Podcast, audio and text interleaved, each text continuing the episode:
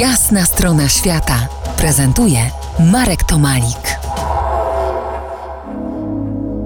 Dziś moim gościem Magdalena Gołębiowska, politolożka i amerykanistka. Rozmawiamy o gwałtownie zmieniającym się świecie Azji Centralnej. Mówiliśmy, że przyczyną tych zmian jest otwarcie i wzmacnianie tzw. Tak nowego jedwabnego szlaku, który ma dziś już wymiar globalizacji ekonomicznej. Magdo, jak chińskie drogi zmieniają świat, a przynajmniej Azję?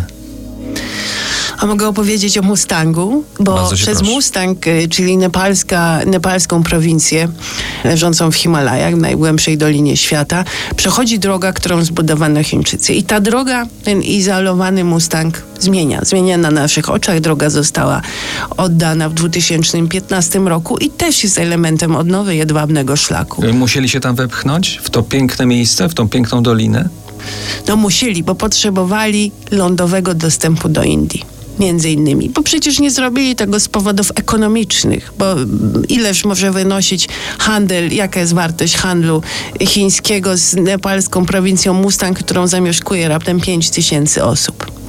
Ale widząc, jak ta droga jest, yy, widziałam, jak była budowana i widziałam coś, jak zmieniła Mustang, odkąd jest zbudowana,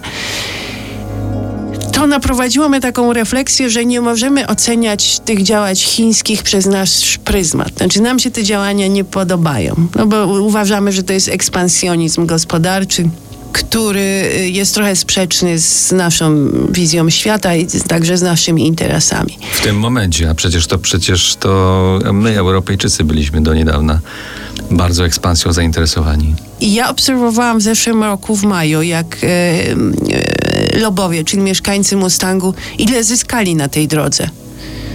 Być może bardzo dużo stracili, no bo została zniszczona y, piękna tkanka przyrodnicza i tak dalej. Ale dla nich było ważne to, że zyskali połączenie z resztą świata że to poza tym poszła dostęp do elektryczności, y, telewizory chińskie, smartfony, które działają y, dzięki chińskim sieciom komórkowym.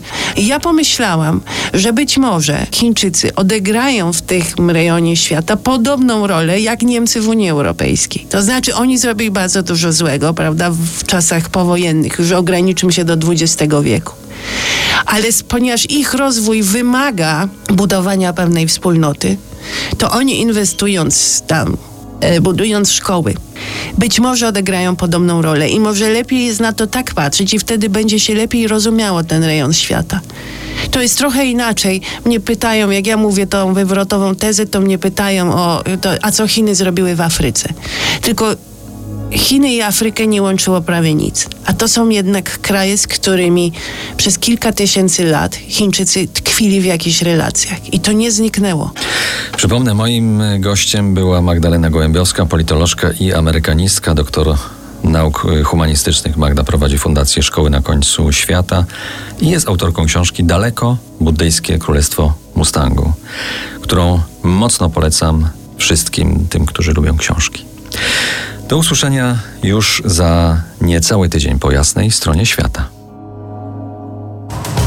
To była jasna strona świata w RMF Classic.